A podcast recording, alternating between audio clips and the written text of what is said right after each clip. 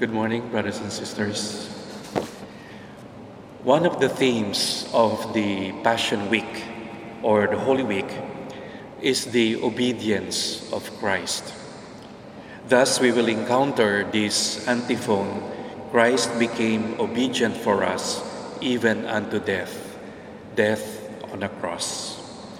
We find this theme being hinted towards the end of today's Gospel when Jesus said to them, When you lift up the Son of Man, then you will realize that I am, and that I do nothing on my own, but I say only what the Father taught me. The one who sent me is with me. He has not left me alone, because I always do what is pleasing to him. Jesus is pleasing to the Father because of his obedience. My brothers and sisters, I invite you to reflect on the obedience of Christ in the light of the pandemic that we have today. Yesterday, I came upon this thought provoking post of a friend of mine, a young doctor, a Dr. Charmaine, and allow me to to capture some points from her post. And she described what the doctors are going through in their day to day ministry or service in the hospital.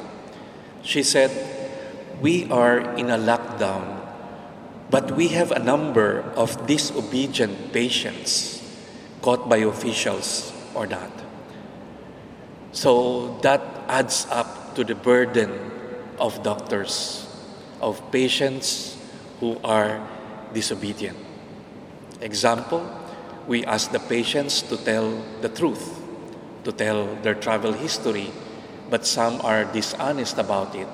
And there was this case because of that, it cost the life of a doctor. Then she spoke. This one, we, we don't pay attention to this. She spoke of all preventable unnecessary consults and admissions, meaning to say the doctors are not only dealing with COVID patients, they are dealing with so many other uh, preventable or avoidable sickness. People are not helping because when they entertain these people, they compete with the already overloaded hospital because of so many number of patients. And then she went on We are a smart and resilient race, but why can't we, why can't we understand simple instructions? We complain before we obey or know or understand the real philosophies of why such laws.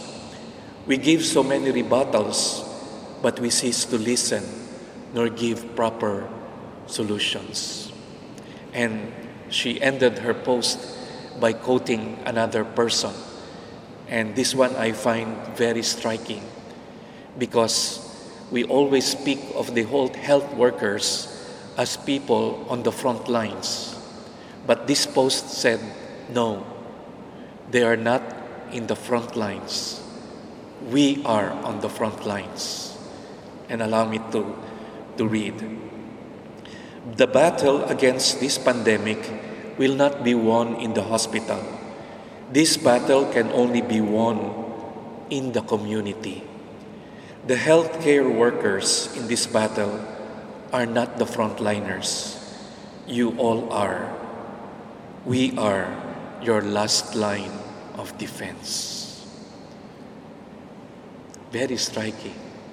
We call them on the front line but in reality, it is true. They are the last line of defense. And that's why we cannot afford to lose them. Try to be obedient. Stay home. Observe all the precautions. This will help a lot. And so I invite you to reflect on this. Think about the role of disobedience in this pandemic. Many do not listen. Many do not follow instructions. It is not so difficult to see the glaring role of disobedience in this pandemic. We get sick because of the virus, but I think we could not stop the pandemic because a lot of us could not follow instructions. The story of disobedience goes way, way back to the story of Adam and Eve. We entered the life of sin through disobedience, and we entered the life of grace through the obedience of Christ. As we come closer to the Passion Week or to the Holy Week, we continue to pray this wonderful prayer that we had yesterday. Father of love, source of all blessings, help us to pass on from our old life of sin to the new life of grace. Prepare us for the glory of your kingdom. We ask this to your beloved and obedient Son, Jesus Christ.